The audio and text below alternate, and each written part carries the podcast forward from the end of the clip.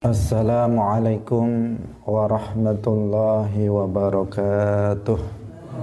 Qala al-muallif rahimahullahu taala wal ikhlas wal yaqinu lan utawi ikhlas iku al amal lillahi krana Allah wahdahu Allah wan nadamu lan getun alal maasi ing atase ngelakoni pira-pira maksiat. Wa tawakkulu lan tawakkal ala Allahi ing atase Allah. Di antara kewajiban hati adalah ikhlas.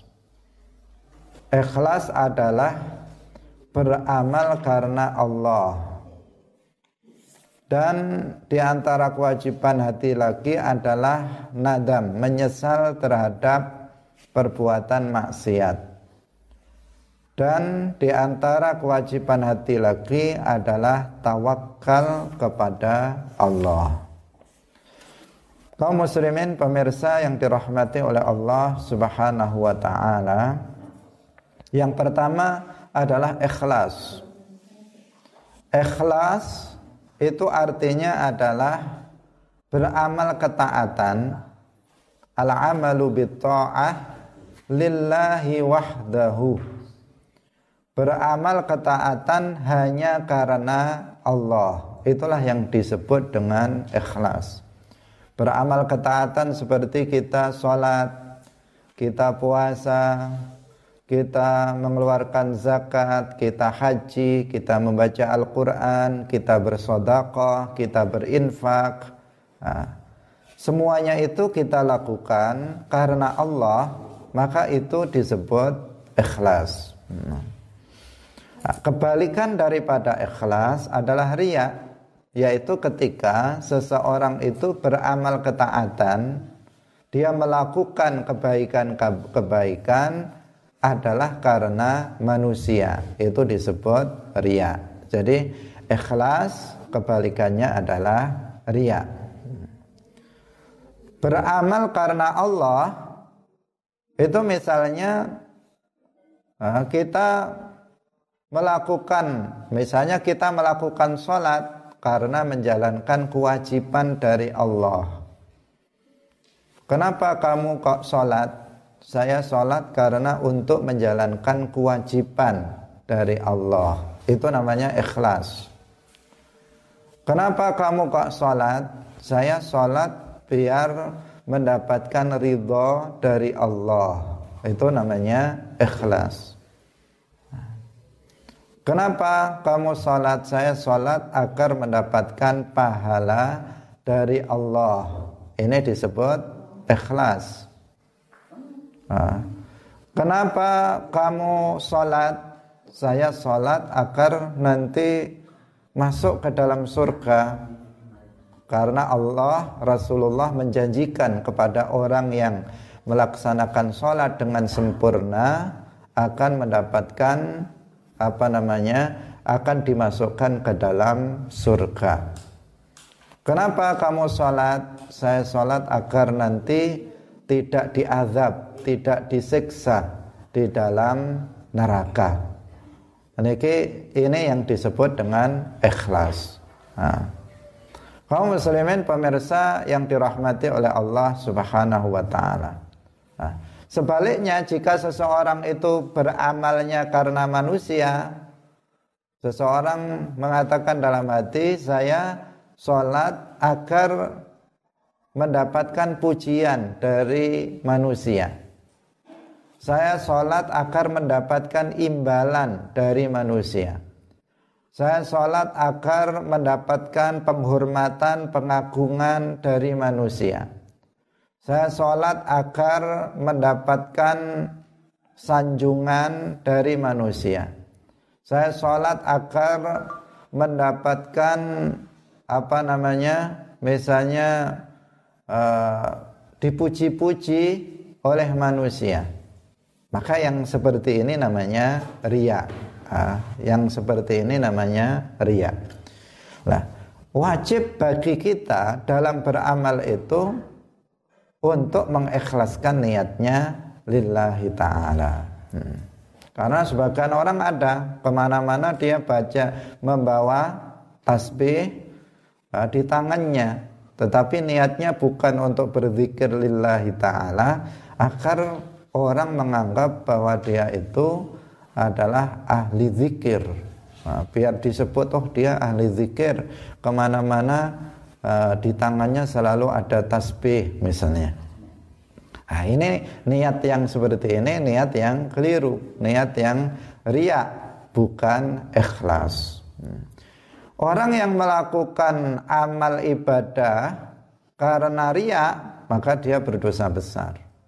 Nah, tetapi seseorang dia wajib hukumnya di dalam beramal itu untuk mengikhlaskan niatnya lillahi ta'ala. Nah, jika seseorang itu dalam melakukan amal soleh itu tidak ikhlas sebaliknya riak penuh dengan riak maka tidak akan diterima oleh Allah Subhanahu wa taala. Dari amal sebesar apa pun jika tidak lillahi taala maka tidak diterima oleh Allah.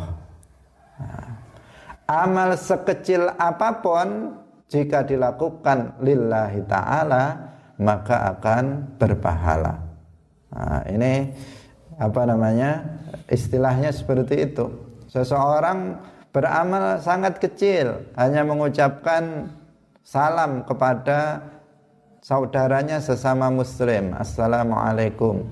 Ketika ketemu lillahi ta'ala maka dia akan mendapatkan pahalanya. Nah, seseorang lewat jalan di tengah jalan dia melihat ada batu bata. Ini nanti kalau apa namanya ter, tertabrak orang dia bisa jatuh. Dia ambil dia sisihkan ke, ke pinggir.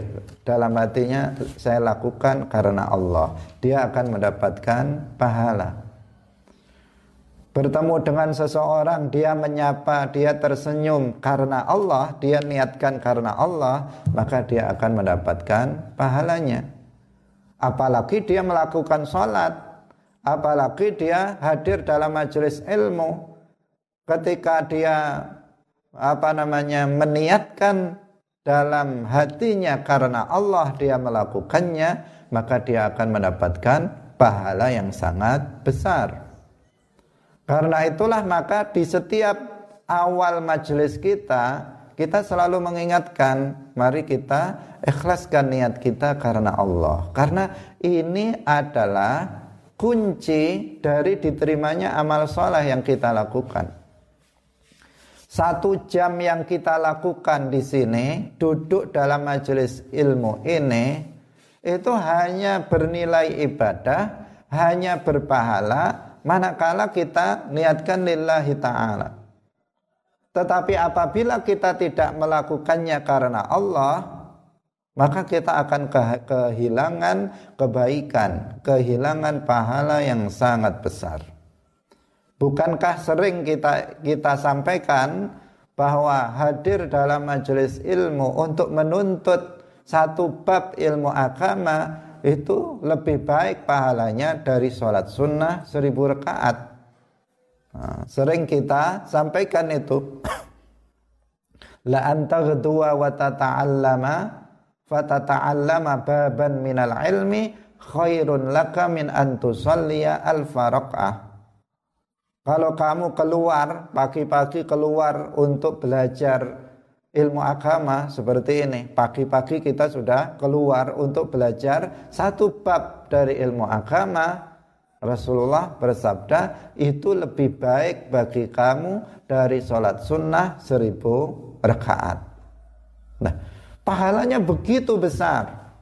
Tetapi jika tidak ikhlas kita melakukannya, maka pahala itu nggak ada, nggak tersisa sedikit pun tidak tersisa sedikit pun. Artinya nggak ada pahalanya.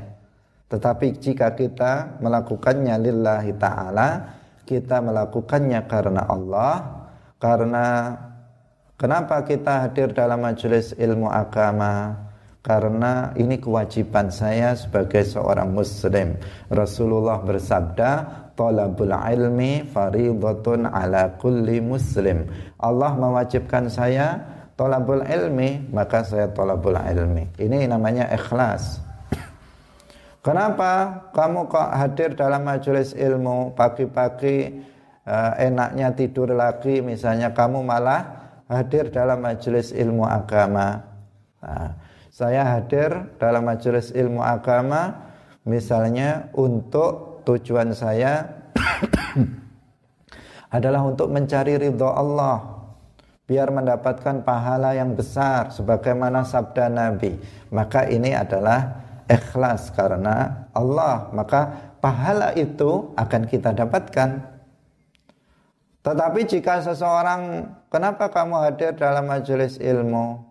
Nah, biar dibilang sama orang-orang saya ini orang yang rajin dalam belajar ilmu agama. Nah, ini namanya tidak ikhlas ria dia tidak mendapatkan apa pahala sedikit pun. Nah, kaum muslimin pemirsa yang dirahmati oleh Allah Subhanahu wa taala. Nah, penting bagi kita untuk selalu menghadirkan niat kita lillahi taala sehingga selalu kita harus ingatkan harus diingatkan diingatkan setiap kali kita melakukan kebaikan harus selalu hadir, kita hadirkan niat pertama harus ada niat yang kedua niat itu harus karena Allah Sebagian orang dia melakukan banyak kebaikan tetapi dia lupa niat dan lupa niat karena Allah. Sebagian seperti itu. Hal yang kecil misalnya seseorang pergi ke sawah atau seseorang misalnya dia memberikan nafkah kepada istri dan anaknya. Ini yang sering dilupakan oleh para suami, oleh para ayah sering dilupakan. Ini kan pahalanya sangat besar. Karena apa? Kewajiban, sesuatu yang wajib itu pahalanya besar dibandingkan dengan amalan yang sunnah. Memberi nafkah pada istri dan anak itu adalah wajib hukumnya. Artinya pahalanya sangat besar dibandingkan dengan sholat sunnah, dibandingkan dengan puasa sunnah. Nah, jelas tidak berbanding. Jauh lebih besar daripada memberikan nafkah kepada istri dan anak. Tetapi sedikit sekali yang ingat bahwa ini harus disertai dengan niat ketika dia memberikan nafkah itu kepada istrinya maka harus ada niat. Innamal a'malu bin niat. Sesungguhnya sahnya suatu ibadah itu suatu amal kebaikan itu tergantung kepada niatnya. Nah, kalau seseorang memberikan nafkah kepada istrinya, kemudian dia nggak niat sama sekali, asal diberikan, asal diberikan, asal diberikan, tanpa ada niat dalam hatinya, lillahi ta'ala, maka dia tidak akan mendapatkan pahalanya. Nah, memang sudah sah, artinya dia sudah terpenuhi kewajibannya sudah gugur, tetapi dia tidak mendapatkan pahala dari apa yang dia lakukan tersebut. Nah, dia sudah kehilangan harta, dia sudah kehilangan apa namanya uang tetapi dia tidak mendapatkan pahalanya kan sangat merugi karena itu kita mengingatkan kepada para suami, para ayah misalnya uh, jangan lupa untuk meniatkan lillahi taala ketika memberikan nafkah kepada istri dan anaknya. Demikian juga para istri. Nah, para istri juga jangan lupa niat lillahi taala ketika dia berkhidmah kepada suaminya, ketika dia melayani suaminya, dia memberikan apa nama menyiapkan makan untuk suaminya, menyiapkan pakaian untuk suaminya, menyiapkan apa yang dibutuhkan oleh suaminya, membuatkan minum untuk suaminya dan seterusnya. Jangan lupa untuk niat lillahi taala. Jangan dibuat begitu saja. Wes pokoknya masak, wes pokoknya nyuci tanpa ada niat sama sekali karena Allah. Jangan jangan sampai seperti itu. Nah, ini sekaligus kita mengingatkan karena akan sangat rugi dia. Nah, dia akan sangat rugi ketika nggak ada niat sama sekali, apalagi niatnya salah. Kalau nggak ada niat sama sekali, pokoknya dibuat rutinitas tanpa niat, maka nggak ada pahalanya. Kalau niatnya itu karena takut kepada suaminya, karena niatnya itu karena apa namanya misalnya biar nanti ditambahi diberi duit oleh suaminya lah ini apa ini berarti niatnya salah kalau niatnya salah dia bukan hanya apa namanya dia bisa berbalik mendapatkan dosa karena dia melakukannya bukan karena Allah nah, maka di sini harus diingat Eh, para perempuan, para istri, kalau dia berkhidmah kepada suaminya, lillahi ta'ala, karena ini adalah ladang pahala. Di sini adalah ladang pahala bagi istri uh, ketika melakukan itu haruslah dia meniatkannya lillahi ta'ala. Suami jangan lupa untuk niat lillahi ta'ala ketika dia memberikan nafkah kepada istrinya. Bagi suami juga jangan lupa untuk niat lillahi ta'ala ketika, ketika dia berkhidmah kepada suaminya. Nah, diniatkan seperti itu agar kalau kalau seorang istri tidak berniat seperti itu, dia akan merasa keberatan ketika dia berkhidmah kepada suaminya. Tetapi kalau dia melakukannya lillahi ta'ala karena Allah, bukan karena suaminya, bukan karena manusia lain, bukan biar dianggap sebagai perempuan yang solehah, bukan biar dianggap oleh orang seperti itu, tetapi dia biar mendapatkan pahala dari Allah, maka dia akan apa namanya mendapatkan pahala yang besar. Karena seorang perempuan itu salah satu kunci uh, dia untuk masuk surga, dia adalah taat kepada suaminya. Dalam hadis di, disebutkan seperti itu. Idza salat al mar'atu khamsaha, jika seorang perempuan itu salat lima waktu, wa shamat syahroha, kemudian apa? puasa bulan Ramadan, kemudian wahasunat farjaha, dia menjaga, menjaga kemaluannya tidak berzina, kemudian wa ata'at ba'laha, kemudian dia taat kepada suaminya, maka dakhalat al jannah min ayyi babin sya'at. Maka dia masuk ke dalam surga dari pintu mana saja yang dia kehendaki. Nah, kan mudah sekali mudah diucapkan maksudnya nah, mudah diucapkan sholat lima waktu secara penuh dan benar tidak salah nah, sejak sesuai dengan ketentuan syariat Islam puasa Ramadan Kemudian dia yang ketiga menjaga kemaluannya tidak melakukan zina dan yang keempat taat kepada suaminya. Dia sudah bisa masuk surga dari pintu mana yang dia kehendaki. Mau pintu sana, mau pintu sini, mau pintu sana, silahkan masuk. Tetapi kalau kemudian dia niatnya salah, Nah, dalam taat kepada suaminya itu niatnya salah, tidak lillahi taala. Nah, maka di sini apa? Nah, di sini dia tidak akan memperoleh fadilah itu, keutamaan itu. Kalau saya taat kepada suami saya dalam selain kemaksiatan karena Allah akan memasukkan surga orang yang taat kepada suaminya, maka di sini dia akan mendapatkan pahalanya. Nah, kaum muslimin pemirsa yang dirahmati oleh Allah Subhanahu wa taala. Nah, dalam Al-Qur'an disebutkan faman kana yarju liqa'a rabbih falyamal 'amalan shalihan wa la yusyrik bi'ibadati rabbih ahada. Artinya janganlah dia memasukkan Eh, memasukkan niat lain di dalam beribadah kepada Allah harus murni karena Allah Subhanahu wa taala tidak ada niat yang lain. Nah, tentu ini bukan perkara yang mudah. Ini perkara yang sulit dan membutuhkan latihan yang terus-menerus. Membutuhkan latihan yang terus-menerus. membutuhkan muraqabah terhadap hati. Membutuhkan kepada selalu kita mengawasi hati kita. Perjalanan hati kita itu diawasi terus-menerus. Jangan sampai apa namanya? Jangan sampai seseorang itu kemudian hatinya melenceng.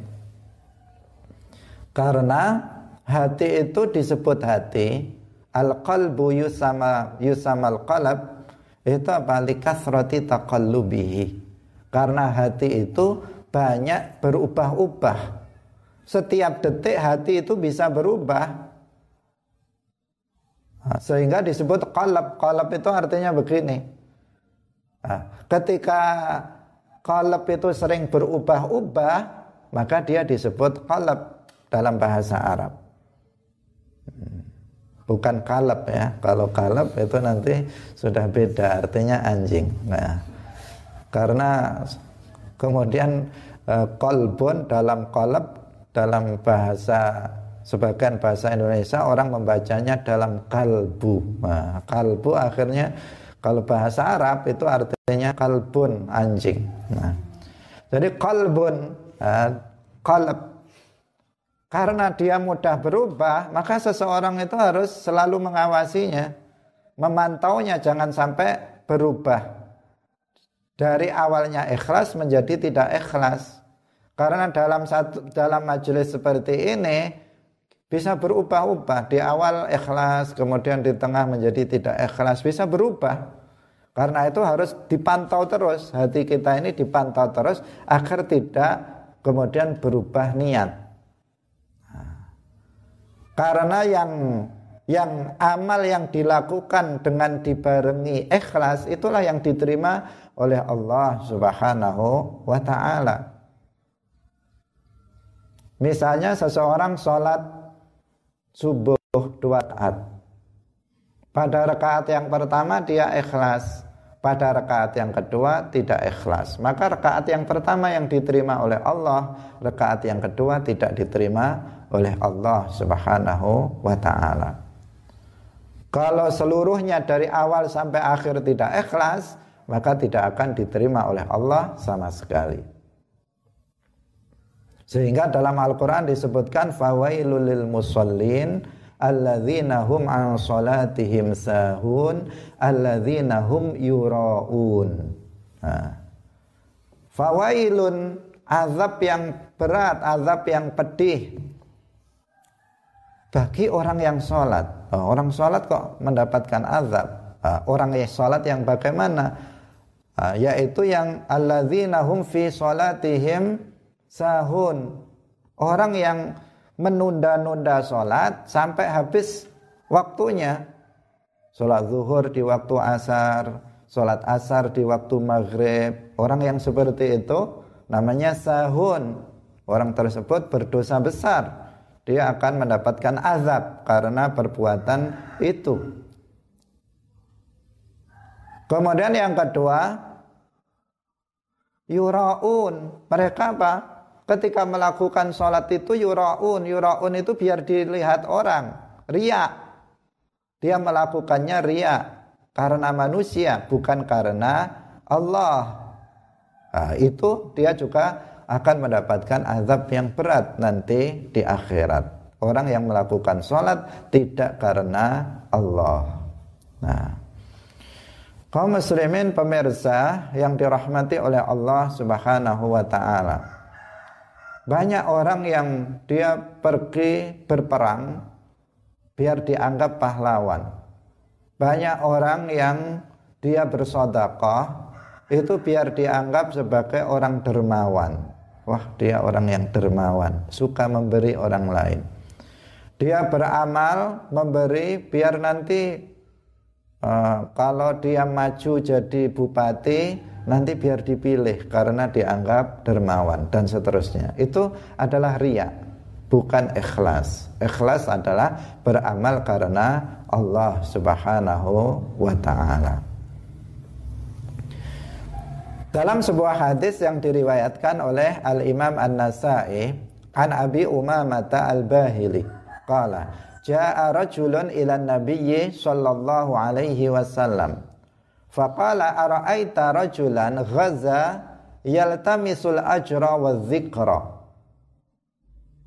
Ada seorang laki-laki datang kepada Nabi sallallahu alaihi wasallam.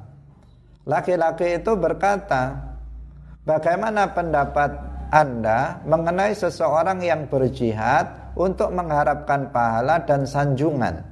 Jadi niatnya ganda di sini. Yang pertama karena Allah, yang kedua karena manusia biar mendapatkan sanjungan, biar dianggap sebagai pemberani, biar dianggap sebagai pahlawan sehingga dia berangkat perang. Malahu dia mendapatkan apa? Orang seperti ini. Faqala Rasulullah la syai'alahu. Dia tidak mendapatkan apa-apa.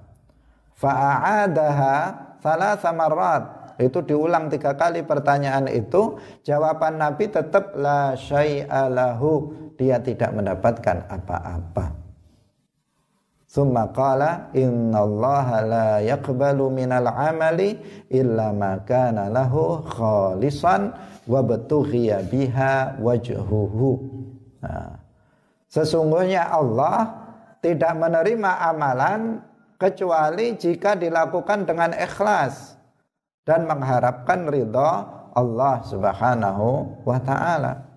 Artinya amal amal kebaikan itu tidak juga bisa diniatkan ganda karena tadi di awal sudah kita jelaskan ikhlas itu adalah beramal lillahi wahdahu. Jadi beramal hanya karena Allah saja. Tapi kalau seseorang beramal karena Allah dan karena manusia dicampur, itu masih riak namanya, bukan ikhlas. Sehingga tetap tidak diterima amal yang dilakukan karena itu. Misalnya seseorang ngiras-ngirus lah, ya biar dipuji, biar karena Allah juga biar dipuji oleh orang. Nah ini tidak tidak ikhlas namanya berdasarkan hadis yang tidak kita baca tadi. Nah, jadi ikhlas ini sesuatu yang uh, sesuatu yang sangat penting dalam amal kita.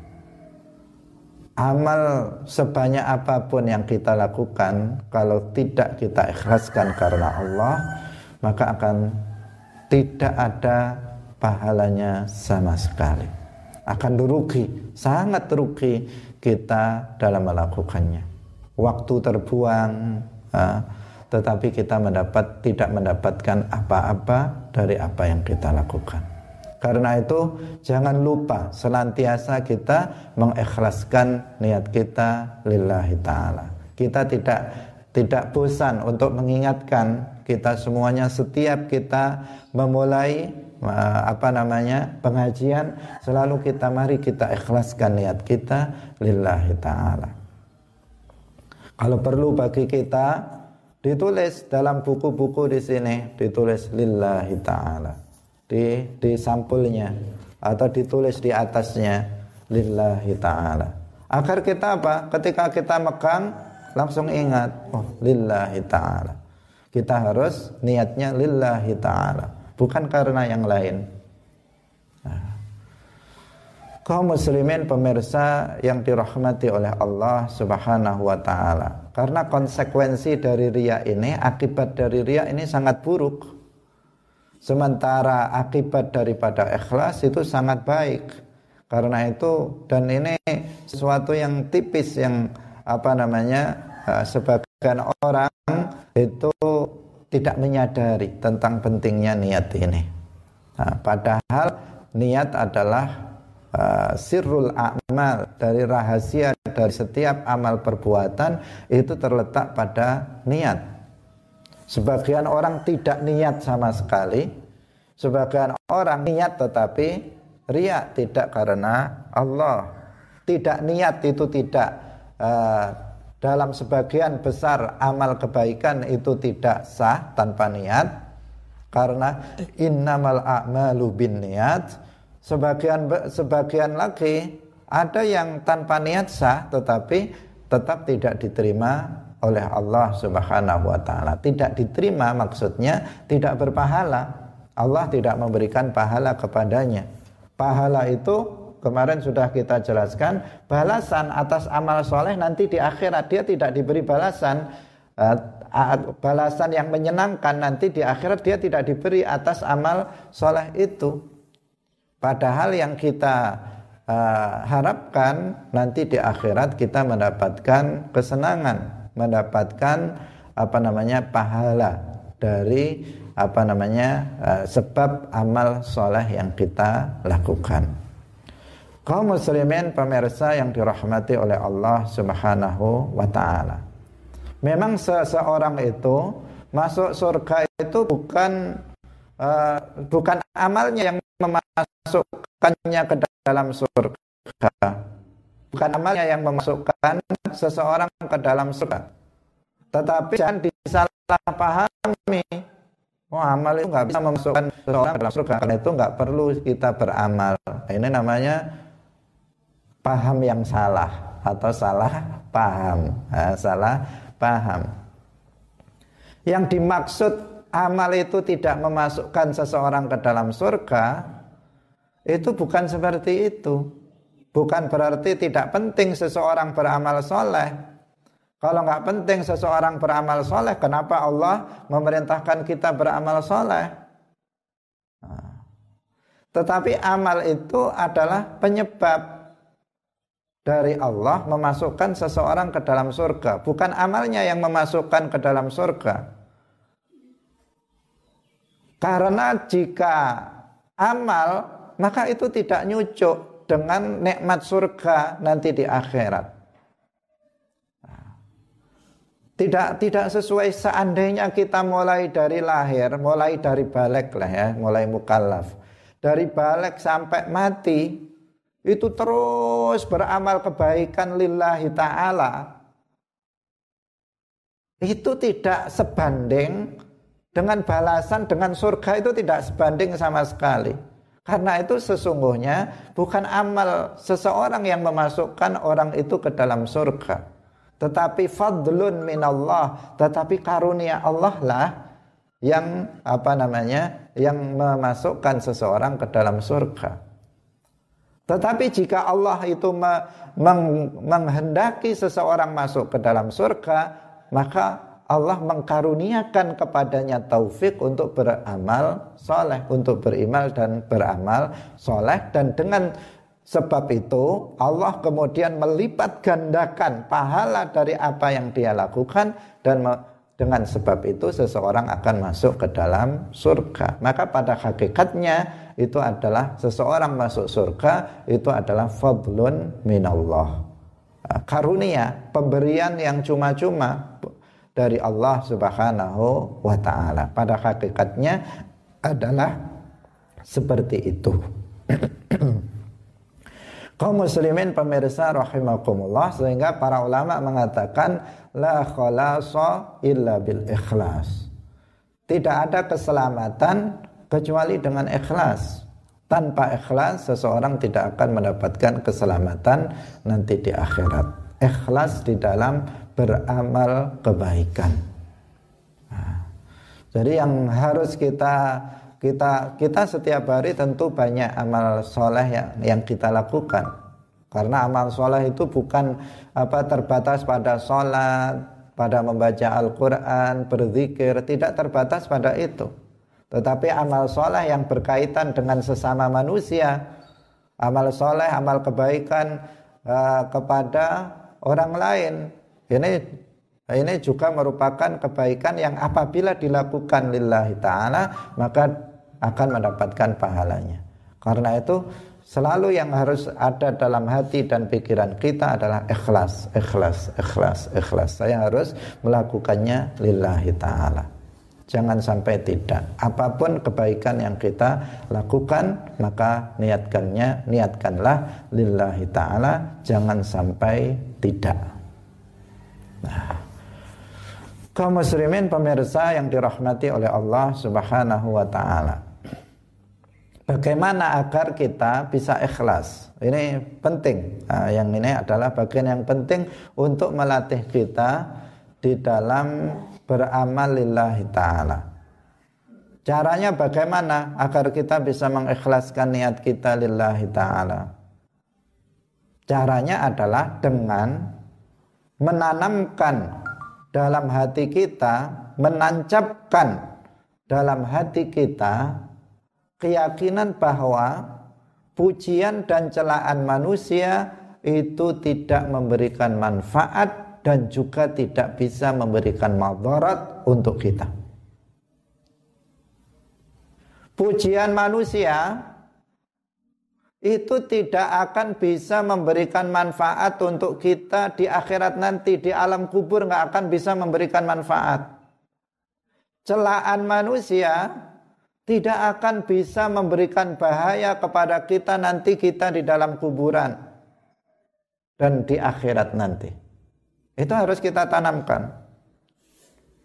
Misalnya satu dunia ini ini memuji-muji kita. Memuji kita, orang yang hebat, orang semua orang memuji-muji. Apakah pujian itu akan memberikan manfaat kepada kita ketika kita mati? Ketika begitu kita mati masuk dalam kuburan, apakah pujian itu itu akan menyertai dan membantu kita dari malaikat azab yang nanti datang? Tidak bisa. Sama sekali tidak akan bisa menolong seseorang. Pujian manusia terhenti di dunia saja. Tidak akan bisa memberikan manfaat kepada orang setelah kematiannya. Demikian juga celaan orang. Meskipun satu dunia ini mencela kita, maka celaan itu tidak akan memberikan madarat sama sekali kepada kita dalam kehidupan di alam kubur dan di akhirat. Karena itu untuk apa? Untuk apa mencari pujian manusia? Sementara pujian manusia tidak akan menyelamatkan kita nanti di, di, di alam kubur ridho Allah yang akan menyelamatkan seseorang di alam kubur dan di akhirat. Karena itu pujian Allah, ridho Allah itulah yang harus dicari demi untuk keselamatan seseorang. Nah, itu yang harus ditanamkan dalam hati. Untuk apa saya mencari pujian orang itu. Paling ya sudah selesai. Setelah dipuji, dipuji, puji, puji, mati dilupakan. Tinggal kenangan. Nah, tinggal kenangan. Yang mengenang mereka sementara kita uh, babak belur di dalam kuburan. Orang di dunia masih memuji-muji tetapi dia sudah uh, babak belur di dalam kuburannya orang di dunia dia ahli ibadah ahli zikir ahli uh, dermawan semua orang muji-muji. Nah, sehingga orang itu ahli surga dia karena ke mana-mana apa namanya selalu berzikir. Tidak tahunya ternyata niatnya bukan karena Allah, niatnya karena biar dipuji itu dan dia mendapatkan pujian itu. Dia sudah mati, dia babak belur di dalam kuburan, sementara orang masih muji-muji dia. Nggak bisa menyelamatkan dia di dalam kuburannya. Banyak orang yang tertipu, ah, banyak orang yang tertipu di sini. Tertipu bagaimana? Dia menganggapnya dia orang orang yang apa namanya? Orang yang soleh, tetapi sesungguhnya kebalikannya karena gara-gara niat yang salah di dalam beramal soleh. Nah, yaitu niat yang bukan karena Allah tetapi karena manusia. Nah, ini harus hati-hati kita di dalam melakukannya. Selalu ingatkan hati kita untuk berniat lillahi taala. Ini enggak enggak pujian manusia ini enggak ada asarnya, enggak ada pengaruhnya untuk kita, untuk keselamatan kita di akhirat. Kalau untuk kebanggaan dan untuk apa namanya hawa nafsu, kesenangan hawa nafsu di dunia ada, tetapi di alam kubur dan di akhirat sama sekali dia tidak memberikan pengaruh apa-apa kepada kita. Manusia ribuan orang yang memuji-muji itu tidak akan bisa menyelamatkan kita di alam kubur. Nah, sebaliknya celaan manusia itu tidak memberatkan kita nanti di alam kubur dan di akhirat. Karena itu uh, kita harus apa namanya uh, mengikhlaskan niat kita hanya karena Allah Subhanahu wa taala. Nah, kemudian ikhlas ini yang perlu kita ingat. Seperti yang kita sampaikan di awal itu ikhlas ini apa namanya? Beramal karena Allah. Beramal karena Allah ini bukan sekedar uh, bukan hanya beramal karena mencari ridho Allah. Itu adalah ikhlas juga. Beramal karena mencari ridho Allah itu adalah ikhlas. Tetapi bukan terbatas seperti itu sebagaimana dipahami oleh sebagian orang. Tetapi seseorang beramal agar mendapatkan pahala dari Allah itu juga ikhlas. Beramal agar dimasukkan surganya Allah itu juga ikhlas. Beramal agar mendapatkan pujian dan cinta Allah itu juga ikhlas. Beramal karena menjalankan kewajiban dari Allah itu juga namanya ikhlas. Pokoknya karena Allah itu namanya ikhlas. Yang tidak ikhlas itu karena manusia. Beramal biar dapat pujian manusia. Beramal biar mendapatkan penghormatan manusia beramal agar mendapatkan imbalan dari manusia beramal biar dianggap apa namanya dianggap orang soleh oleh manusia. Itu namanya ria tapi kalau karena Allah itu apa namanya itu ikhlas. Karena sebagian orang ada yang salah paham. Ketika ada seseorang kenapa kamu sholat? Ya nanti biar masuk surga. Oleh dia sholat biar masuk surga. Nah, dintai oleh dia karena dia orang bodoh yang baru saja belajar tasawuf tetapi nggak nggak belajar belum sempurna masih sekali dua kali belajar kemudian dia bisa sombong. Nah, bisa sombong seperti itu. Nah, wong sholat biar masuk surga. Nah, ada lagi yang kenapa kamu sholat? Ya nanti biar nggak masuk neraka sholat kok takut neraka? Karena takut neraka. Katanya itu nggak ikhlas. Itu keliru ya. Itu masih ikhlas. Seseorang yang sholat biar masuk surga itu ikhlas. Seseorang yang beramal karena takut neraka itu ikhlas. Bukan tidak ikhlas. Ini perlu diingatkan ya, perlu diingatkan. Karena sebagian orang salah paham terhadap hal itu. Hmm. Selama seseorang itu beramalnya karena Allah, maka itu disebut ikhlas. Kalau seseorang beramal tidak boleh karena biar dimasukkan surga, kenapa Allah memerintahkan kita agar kita apa namanya meminta surga? Wasari'u ila maghfiratin min rabbikum wa jannatin arduha as-samawati wal ard. Kenapa Allah mengiming-imingi manusia dengan surga di dalam Al-Quran mensifatinya surga itu begini, begini, begini. Itu tujuannya apa? Ya biar manusia itu pengen masuk surga dan kemudian dia beriman dan beramal. Kenapa Rasulullah memerintahkan kita berdoa biar dimasukkan ke dalam surga? Idza sa'altal jannata fas'alil firdausal a'la. Jika kamu meminta apa namanya surga, maka mintalah surga Firdaus. Kenapa Rasulullah memerintahkan kita agar kita berdoa minta dimasukkan surga? Kalau minta surga itu nggak boleh. Masa Rasulullah mengajarkan sesuatu yang salah? Jelas tidak. Di dalam Al-Quran kenapa Allah itu apa namanya mengancam manusia dengan neraka, ditakut-takuti di neraka, ya agar manusia takut terhadap neraka Allah.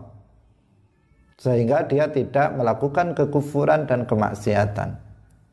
Kenapa Rasulullah memerintahkan kita untuk berdoa agar terhindar dari neraka? Bahkan setelah habis maghrib sama habis subuh kita di, uh, dianjurkan untuk mewiridkan Allahumma ajirni minan nar Allahumma ajirni minan nar tujuh kali Allahumma ajirni minan nar ya Allah uh, selamatkanlah aku dari api neraka. Kalau nggak boleh seseorang beramal karena takut uh, apa azab neraka, api neraka, kenapa diperintahkan kita meminta kepada Allah agar diselamatkan dari api neraka? Nah, jadi memahami agama itu harus komprehensif, harus lengkap, jangan sepotong-potong. Jangan sepotong-potong. Nah, ikhlas itu selama seseorang beramal ketaatan karena Allah karena Allah itu karena menjalankan kewajiban dari Allah, karena mencari ridho Allah, karena mencari pahala Allah, karena mencari surga Allah, karena takut azab Allah. Ini namanya apa? Ikhlas. Inilah yang disebut lillahi ta'ala. Nah. Sayyidina Ali bin Abi Thalib itu waliyun min awliya illah Bahkan wali termulia setelah Sayyidina Abu Bakar, setelah Sayyidina Umar, setelah Sayyidina Utsman, Sayyidina Ali bin Abi Thalib. Beliau adalah a'lamus sahabah, sahabat Nabi yang paling alim, yang paling luas ilmunya. Menantu Rasulullah, sudah masuk Islam sejak kecil. Sebelum orang-orang masuk Islam, begitu Rasulullah berdakwah, Beliau langsung masuk Islam ketika beliau masih kecil. Artinya keutamaannya luar biasa. Apa kata beliau? Ini waliyun min awliya illah. Derajatnya sangat tinggi. Kita mengatakan Syekh Abdul Qadir Al-Jilani itu sultanul awliya. Syekh Ahmad Ar-Rifai itu sultanul awliya, rajanya para wali. Derajatnya sangat tinggi, itu benar. Tetapi Ali bin Abi Thalib, Sayyidina Ali bin Abi Thalib derajatnya masih jauh di atas mereka. Derajatnya masih jauh di atas mereka. Apa kata beliau? Beliau mengatakan, "Inni idza ata'tullaha rajautu thawabahu wa idza asaituhu khasyitu iqabahu." Aku ini jika berbuat taat kepada Allah, maka saya mengharapkan pahalanya. Kalau saya berbuat ketaatan, sholat, puasa, saya mengharapkan pahalanya. Jadi dia beramal ketaatan untuk mendapatkan apa? Pahala. Wa idza asaituhu jika saya bermaksiat kepada Allah, khasyitu iqabahu, maka saya takut terhadap azab Allah. Nah ini. Ini seorang waliun min illah. Wali besar. Beliau beramal mengharapkan pahala. Kaum muslimin pemirsa yang dirahmati oleh Allah Subhanahu wa taala. Maka jangan terkecoh oleh pemahaman yang keliru. Karena apa? Orang yang beramal agar masuk ke dalam surga itu artinya karena mencari ridho Allah. Seseorang yang beramal karena untuk mencari pahala Allah itu sama dengan mencari ridho Allah. Karena pahala itu tidak diberikan kecuali kepada kepada orang yang mendapatkan ridhonya. Karena surga itu tidak diberikan kepada seseorang kecuali Allah ridho kepadanya. Surga pahala itu adalah perwujudan dari ridho Allah. Saya ulangi lagi, surga pahala terhindar dari neraka itu adalah wujud dari ridho Allah. Jika Allah ridho kepada seseorang, maka Allah akan memasukkannya ke dalam surga, maka Allah akan memberikannya pahala jika Allah ridho.